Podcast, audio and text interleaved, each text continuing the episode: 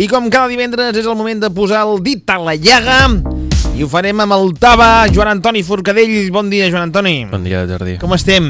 Bé, hi ha ganes de Setmana Santa? Ja és divendres. Sí. I este cap de setmana mos canvien la hora. Hòstia, no me'n recordava. No, a mi m'ho han dit ara fa poc. M'han dit, adelanten la hora. Pues au. O sigui que ara tenim, un, tenim menys temps. Pues mira, a mi me va molt bé això, perquè a mi m'agrada molt anar a pescar en cap de Sí. setmana i a mi que m'allarguen una hora Això per mola. la tarda, fuà, Mola més, eh? Sí, això que perquè- veus que el dia és més llarg i tot això ja mola més. matinar no, no massa. No, no, tio, però jo el dia que es faci llarg, jo com que més sol, més alegria. Sí, No? Sí, sí, de, sí. de, de fet, ja ho diuen, no? les dades, als països on hi ha més sol hi ha menys, menys suïcidis. sí, sí, és, No? és un factor per al benestar emocional molt important. Un dia hem de, hem de parlar de la tonteria del canvi d'hora, perquè jo crec que ja, no? Rosa ha una hagut- mica la tonteria. Sí, hi ha hagut molta discussió. Jo crec mm, l'any passat me penso que hi havia el debat que volíem fixar la, la, Mm. la mateixa hora sempre. Però quina, clar, la, el debat és quina? La que ens ve ara o la, la de més dia o la de més nit? Jo penso que la de més dia. Ah, pues, molaria. Sempre, perquè, a veure, matinadors ho som poc. Eh, Però, però al final estàs, aquí a Espanya. necessitem, necessitem alegria. Sí. I el sol, la, la llum dona alegria. Per, Exacte. per, per avançar, eh? per a fer les coses bé. Però bueno, un dia parlem perquè no sé d'on ve la tonteria aquesta, perquè diuen que al final és una tonteria que està relacionada amb el món vacú. Vale, doncs farem un programa d'història això parlem. un dia Ja, que la setmana que ve ja estem en, ja, ja estarem amb, a, a, amb, a, en aquells moments que arribem tard, no? Perquè crec que ara el, arribarem tard. Perquè si avancem l'hora... És que Uf. això, és a veure, eh? que això sempre és com Tenet, És per que mi, això. a mi, a mi me passa que quan, sempre que se canvia d'hora, No sé la si nit és- abans, Eh. que me fico lo, des, lo despertador, a mi se me gira el cervell perquè veig vas a dormir 5 hores. I jo tenia... Jo sempre Sí. faig els càlculs de... No, jo vaig a dormir 6 hores, saps? Clar. I és com que me desquadra la, la Clar, realitat. A, a llavors, si avancem l'hora, és que mos hem menjat un tros de dia ara. Sí, sí, No? sí, sí. Tindrem una hora menys. Tindrem una hora menys a la nostra vida. Sí, de dissabte a diumenge dormirem una hora Una menys. hora menys. Eh, És l'únic inconvenient que n'hi ha. Sí. Però bueno, el diumenge tens, pots dormir tot aquest tònic. Però després vas en jet lag tota la setmana, eh? Sí, sí, però arribarem pronte. És el que te volia dir. Si, clar, si ara, si ara, en teoria, són les 10, a, a, la setmana No. que ve a esta hora seran les 11. Clar, Sí, doncs sempre arribarem tard, sempre arribarem Sí, sí, Pues era... I en el canvi d'horari anterior, tothom arribava abans d'hora. sí, sí, sí. És... Bueno, pues són inconvenients, són tonteries que em passen pel cap.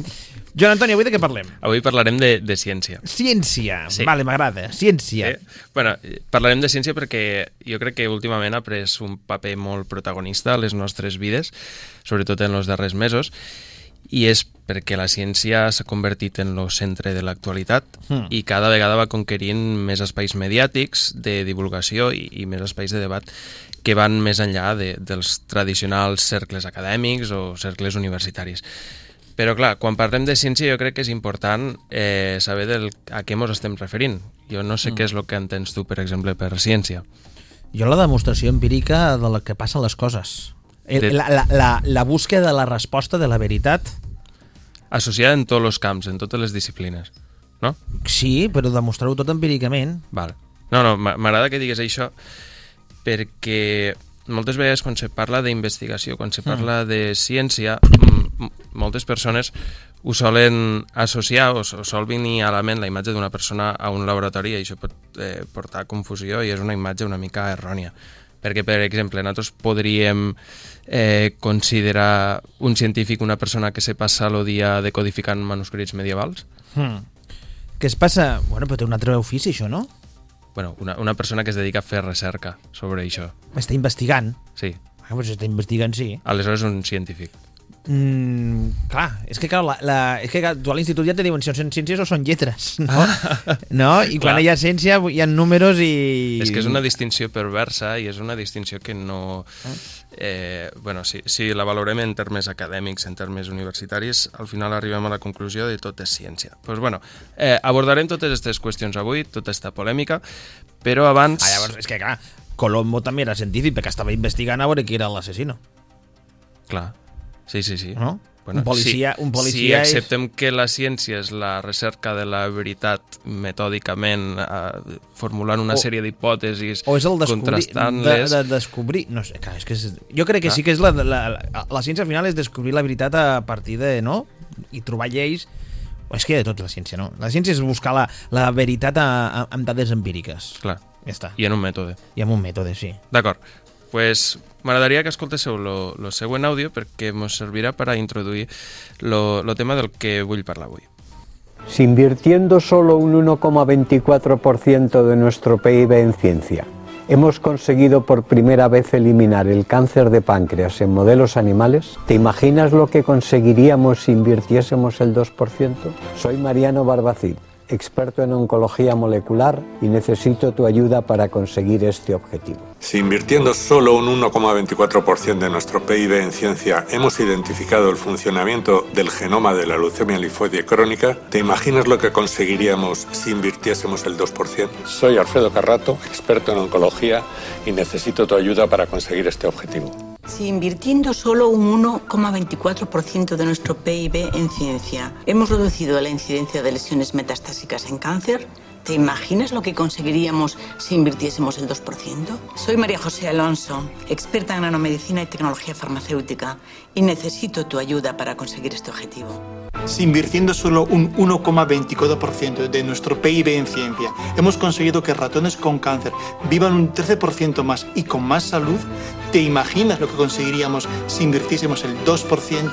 Soy Jesús García Foncillas, experto en oncología, y necesito tu ayuda para conseguir este objetivo. Si invirtiendo solo un 1,24% de nuestro PIB en ciencia, hemos sido capaces de detectar precozmente el cáncer de colon y salvar miles de vidas, ¿te imaginas lo que conseguiríamos si invirtiéramos el 2%? Soy Ramón Reyes, experto en cáncer y necesito tu ayuda para conseguir ese objetivo. Es momento de actuar. Queremos un pacto de todos los partidos políticos para elevar al 2% de nuestro PIB la inversión en ciencia. Lo queremos ya y lo queremos para siempre. Avui anem a parlar de la inversió a, la ciència, no? Exactament. Si invertim prou a la ciència, si el nostre país s'inverteix prou a la ciència, no? Sempre ha sigut un, Sí. un dels punts més criticats sempre del nostre país. Mm. I s'ha convertit en un compromís polític per part de, de molts partits. Bueno, a mi compromís, compromís, compromís i política... i Sistemàticament incomplert. No... Sí, sí, sí. Però bueno, eh, el que escoltàvem és una sèrie de talls d'àudio que són de la campanya eh, Constantes y Vitales, Objetivo 2%. És una campanya que va engegar la Sexta en la, juntament en la Fundació AXA i escoltàvem una sèrie d'experts que ens venen a dir que a Espanya s'inverteix poc en ciència. Eh, concretament s'inverteix per sota de la mitjana europea, sol estar sobre el 2%, hi ha països que una mica més, i mm, ens venen a explicar que molt probablement en un augment de la inversió en ciència eh, que ens fes passar, per exemple, de l'1,24% del PIB a l'actual eh, actual al 2%, aconseguiríem una sèrie d'avenços. bueno, esta campanya fa uns quants mesos que està en marxa i a mi hi ha una cosa que me va cridar l'atenció des d'un principi, i no sé si vos haureu fixat vosaltres, que és que només participen experts científics en l'àmbit de la salut. Això ja és d'entrada eh, molt sorprenent, perquè ens podria portar a l'equívoc de pensar que la inversió en ciència, com comentàvem abans, segons la, la definició que apliquem de ciència, se centraria només en medicina, en biomedicina o en, o en química. I això no és així. Eh, com també sabem eh, que la investigació sanitària tampoc se redueix exclusivament al càncer i tots els avenços que estaven nombrant eren relatius a aquesta malaltia. Sabem que hi ha milers de malalties que presenten reptes i sobre les quals s'han fet eh, avenços enormes, tot i que esta sèrie d'experts ens parlen d'esta en concret. I jo crec que aquí eh, cal diferenciar dues coses. I és que si bé és cert que la demanda que fan estos científics és eh, lícita i necessària, eh, hem dit abans que és, que és un compromís que, que és eh, incomplert sempre per les formacions polítiques, tot i que sempre quan ve una campanya electoral se plenen la boca en això. Eh, sí que és veritat que la inversió eh, genera creixement econòmic, genera atracció de talent, innovació, eh, desenvolupament, genera prosperitat, però esta visió eh, tan reduïda sobre el que és la ciència ens podria portar a conclusions errònies en el moment en el que estem. Eh, conclusions com serien, per exemple, atribuir la situació actual en la que ens trobem a l'escassa inversió en ciència. Jo m'he deixat abans un àudio expressament eh, i que crec que ens ajuda millor a entendre el que vos vull transmetre. Escoltem-lo. Invirtiendo solo un 1,24% de nuestro PIB en ciencia, nuestros científicos han desarrollado varios prototipos de vacuna frente al virus de la COVID-19, ¿te imaginas lo que conseguiríamos si invirtiésemos el 2%? Soy María Sanz Vicente, experta en gestión científica y necesito tu ayuda para conseguir este objetivo.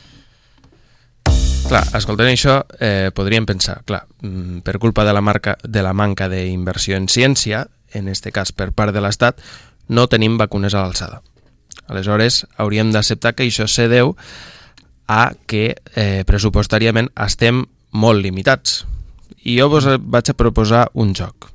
Vos dic que avui en dia s'inverteix en Espanya en concepte d'investigació finançada en diner públic uns 12.000 milions d'euros. Anem a veure, per exemple, com s'ha financiat, per exemple, un dels productes de més prestigi de la, de la campanya de vacunació, que és l'antídot de Pfizer.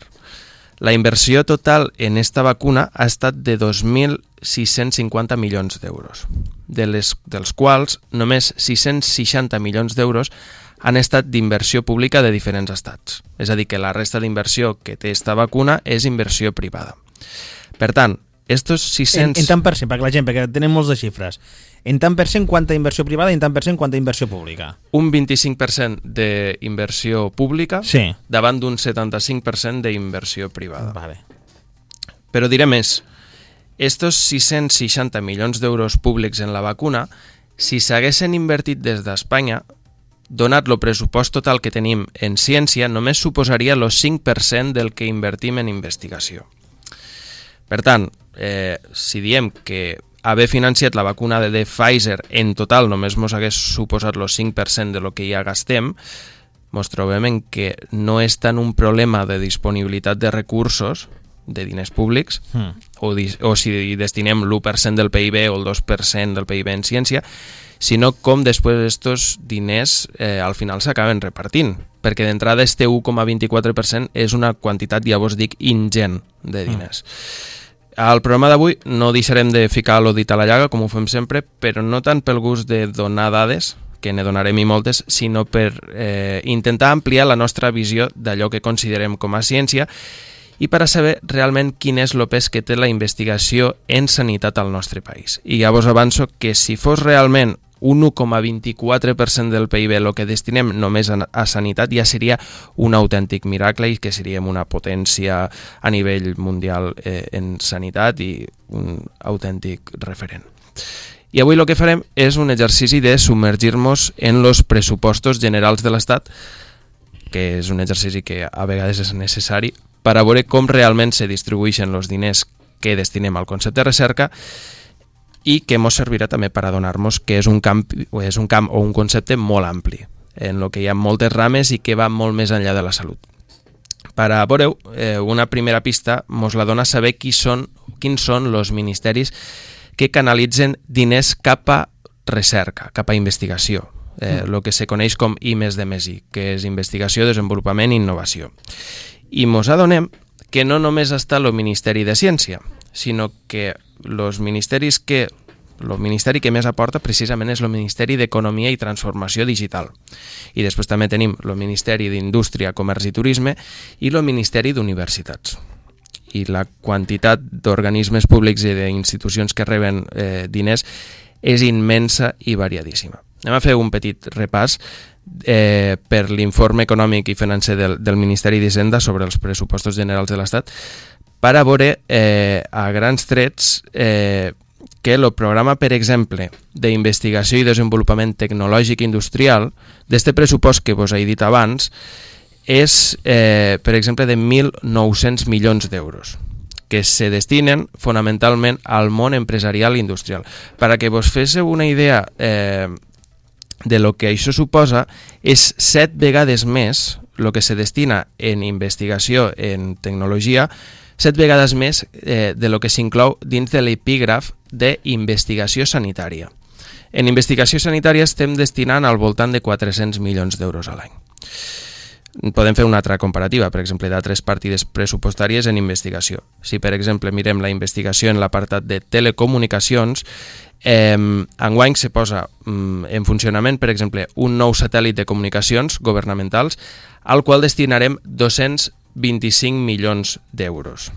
si anem, per exemple, al camp de l'emmagatzematge d'energia elèctrica i al camp de l'hidrogen, enguany se destinaran 200 milions d'euros. És a dir, que només en dos projectes ja se destinen molts més diners eh, que en investigació en sanitat. Altres partides que són eh, importantíssimes i que són molt més quantioses que les de sanitat són, per exemple, eh, l'anomenat pla de connectivitat, que rebrà 570 milions d'euros, o un pla per a la digitalització en la petita i mitjana empresa, que rebrà també 570 milions d'euros. Davant d'estos 570 milions d'euros, per exemple, la plataforma d'abordatge integral de pandèmies, que és també un projecte del CSIC, d'I+D+I, només està rebent 70 milions d'euros per a que vos féseu una idea d'esta comparativa. Com diem abans, això ho podem fer en percentatges. Què és el que rep, per exemple, la investigació sanitària en termes percentuals eh, en relació en la inversió total en ciència?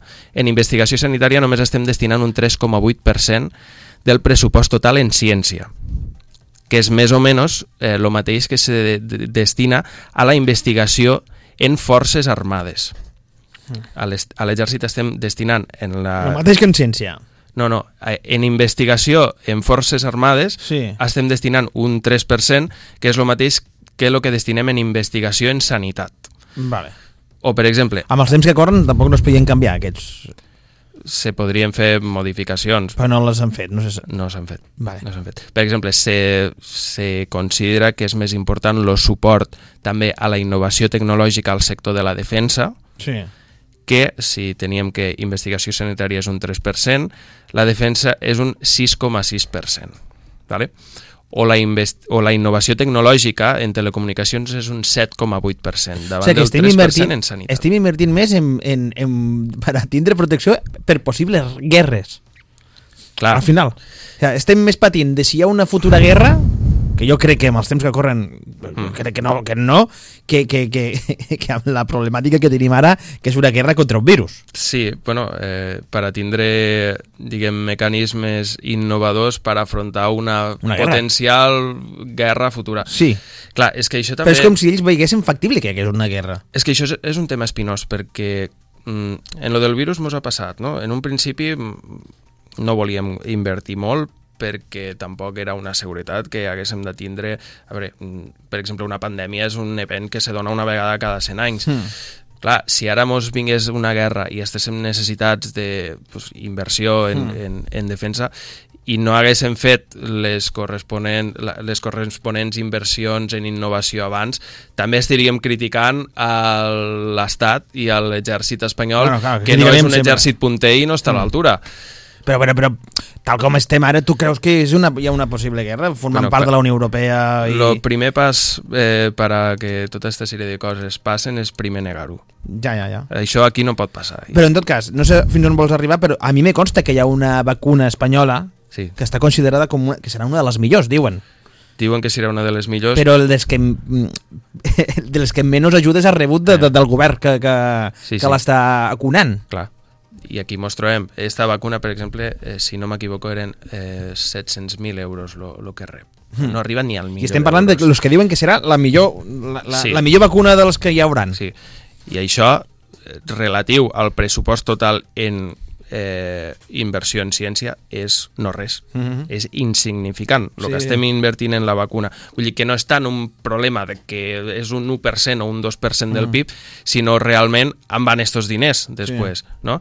Clar, mm, com veiem, eh, en tot això eh, han anat apareixent moltes més rames del coneixement que amplien la nostra visió de lo que és ciència, que no només és eh, la vessant de la salut, sinó que també tenim enginyeries, tenim les ciències formals, física i matemàtiques o les ciències naturals. Eh, esmentava abans, per exemple, tecnologia i indústria, sobre este mm, pressupost en ciències un 20%, davant del 3% en, en sanitat. Jo crec que, mm, vist això, podem anar molt més enllà inclús parlar d'allò que, eh, com hem dit abans, eh, molts mai s'atrevirien a dir que és ciència. Eh, també és veritat que en, en això també hi ha molts d'acadèmics que estan acomplexats, eh, que són les disciplines humanístiques, el que entenem com a ciències humanes.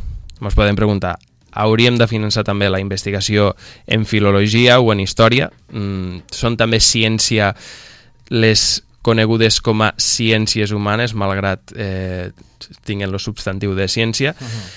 és només ciència allò que mos és útil segons un punt de vista determinat, a lo qual eh, acabem donant una finalitat pràctica, eh, o, o és tot allò que implica un mètode i que ens serveix per a eh, assolir un determinat coneixement de la veritat. Bueno, jo vos llanço aquesta pregunta que és eh, força polèmica, però jo també la tinc molt clara per la part que, que me toca. Sigue com sigue, aquesta investigació també rep diners públics i vos vaig a donar una sèrie de, de xifres per a posar-vos en context. Anem en un exemple que a mi me toca eh, de ben a prop, com a futur investigació com a futur investigador en, en humanitats, que són els contractes de formació de professorat universitari. Són una sèrie de contractes que formen part del Programa Estatal de Promoció del Talent i d'Empleabilitat, que és un programa d'I més de més I, que és també relativament estricte i en el qual se seleccionen eh, els doctorants de les diferents universitats de l'Estat per nota de tall.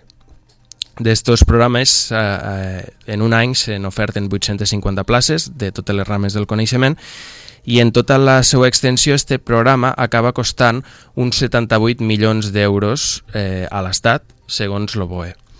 Pues bueno, si anem a la lletra petita, per a veure com se distribueixen aquests contractes, ens trobem en que el 37% dels contractes d'investigadors doctorals són de disciplines que no solem associar en l'àmbit científic. Per exemple, ciències de la educació, ciències socials, econòmiques, dret, història, art, filologia o filosofia. Mm. És a dir, que en els nostres diners estem financiant a persones que se dediquen a investigar aspectes sobre filòsofs, per exemple. Eh, i vos diré més, si descontem totes les ciències que no són eh, específicament eh, sanitàries, és a dir, eh, agricultura, aliments, ramaderia, pesca, tecnològiques, al final d'estos contractes de doctorat només los 24, el 24% d'estos acaben afectant al que és l'àmbit de la salut. Vull dir que ens donem compte que eh, dins de tot este pressupost, inclús en l'àmbit universitari, aquest àmbit és molt reduït. Eh, per posar-vos per donar-vos una altra xifra, no? Del pressupost del Ministeri de Ciència, eh, la Real Acadèmia Espanyola rep 6,8 milions d'euros a l'any, que vindria a multiplicar per 10, per exemple, el que s'inverteix en la vacuna espanyola. Clar, eh, això mm, hi haurà persones que ho podran considerar il·lícit, hi haurà persones que consideraran que és necessària la Real Acadèmia Espanyola, en això no m'hi ficaré, però és, mm, creia que, que era important per a veure que eh, la inversió, per exemple, en humanitats també existeix, eh, Mm, tot i que sí que és veritat que no computa com un epígraf independent i que al final no és ni rellevant al pressupost, però que també s'està financiant en, en diners públics. Per tant, tornant a la campanya de l'objectiu 2% d'investigació sobre el PIB mm. en ciència, eh, jo crec que clarament l'estratègia de comunicació que fa servir la Sexta va dirigida al final a que pensem que el problema sanitari d'Espanya és que no s'assignen prous diners a la ciència, mm. quan el que ells entenen com a ciència se queda al final restringit en sanitat. I és cert que un laboratori al final s'aprofita dels avenços tecnològics de tots els tipus. Per exemple, a un laboratori sempre hi ha informàtics, hi ha físics, tot i que el laboratori se dedica, per exemple, a investigar sobre el càncer o a investigar sobre un fàrmac determinat. És a dir, que no només hi ha especialistes en biomedicina però sí que ens trobem al final que aquesta campanya del 2% és tramposa en certa manera i és obsoleta. És tramposa, per què ho dic? Perquè parlar de mm, termes percentuals eh, és relativitzar molt les coses. Jo, per exemple, si dic que tinc 100 euros i que destino el 2% a ciència, estic parlant de 2 euros. Hmm. Però si jo tinc 1.000 euros i poso el 2%, estic parlant de 2.000 euros. Hmm. És a dir, que al final no és tan important el eh, que se destina a ciència en termes relatius, en percentatges, sinó el que acabem destinant en, en termes absoluts, perquè és el que fa viable els grups d'investigació. I vos dia que és també una campanya obsoleta perquè en els nous pressupostos generals de l'Estat ja s'han produït canvis molt importants. Per què? Perquè el projecte aprovat pel Partit Socialista amb Unides Podems, eh, Unides Podem, és profundament expansiu, és a dir, que fa moltíssima despesa i ha suposat un increment eh, en les partides pressupostàries de diferents ministeris molt, però molt quantiós, eh, també en ciència. I això fa que haguéssim passat d'invertir, eh, el que invertíem abans, a invertir un 80% més. No? Bueno, eh, és, és un avanç, no? Sí. Eh, clar, això podríem dir és bo. Mm, bueno, eh, relativament, no és necessàriament un bon indici, encara que el govern se penja la medalla. És veritat que, mm, comparat amb els governs de dretes, els governs d'esquerres, mm, quan estan al poder, sempre fan més despesa, més dèficit i més endeutament, però ara estem gastant per damunt de les nostres possibilitats, mai millor dit, i és conseqüència d'una crisi econòmica latent d'unes proporcions descomunals. I aquí la trampa està en que els pressupostos generals de l'Estat incorporen els diners que ens arriben d'Europa.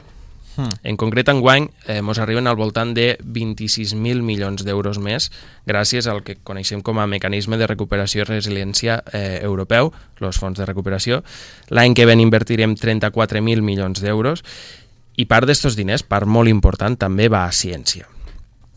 I aquí se demostra una vegada més que no només importen les xifres, sinó com s'expliquen. És veritat eh, d'una banda que estos pressupostos generals de l'Estat eh, del govern espanyol representen el major increment de tota la història en les partides del Ministeri de Ciència. Això invalida la campanya del 2% ja d'entrada. Eh, és un 59% més de, que l'any anterior, uns 1.200 milions d'euros més que, que els anteriors pressupostos, que eren, recordem, els que estan prorrogats del 2018 encara de Mariano Rajoy. Però pràcticament tots aquests diners mos arriben del Fons de Recuperació Europeu. És a dir, no són diners que estem posant nosaltres en ciència, són, Són diners, diners que ens aporta Europa I que s'han de tornar. i que s'han de tornar. Que aquesta és la part més, més important. O Sí. sigui, Europa ens ha donat la meitat d'estos diners eh, a fons perdut, però Mm. hi ha una part d'estos diners, l'altra la, l'altra meitat, que són préstecs a baix interès. Sí, sí. Vull dir que són endeutament per a, per a nosaltres. Si no mos haguessin arribat estos diners d'Europa, eh, en comptes d'un 80% d'inversió més en ciència, estar, Mm. estaríem parlant d'un 5% més. Sí. I això comptant que eh, hi hagués hagut pandèmia. Mhm. És a dir, que sense pandèmia probablement mm, jo no sé si este pressupost s'hagués tocat. Claro, no, no sabria si ens arribaria més diners si no Exactament. hagués hagut esta crisi. Eh, si contem tot el que se destina a investigació, eh, també s'ha dit per les xarxes socials per part del govern que esta, eh, este pressupost s'ha s'ha incrementat un 80% i això, eh, com dia, eh, podria ser veritat si no fos pels fons europeus. Eh, per a posar-vos xifres, si han passat de 6.700 milions d'euros a 12.000 milions d'euros. bueno, sigue com sigue, Hmm. el panorama a curt termini és molt més esperançador per a la ciència que fa uns anys. La ciència moltes vegades ens ha demostrat estar molt més a l'altura que els estats i per descomptat de la classe política. Vos comentava al principi lo de Pfizer, no? només un 25% d'inversió pública. Això passa sense excepció en totes les vacunes, és a dir, que el món empresarial i els inversors privats han estat els que més mos han aportat per a solucionar el problema i solen ser els que ens aporten més en investigació i en innovació. Per què? Perquè és la base del creixement econòmic i de la competència empresarial.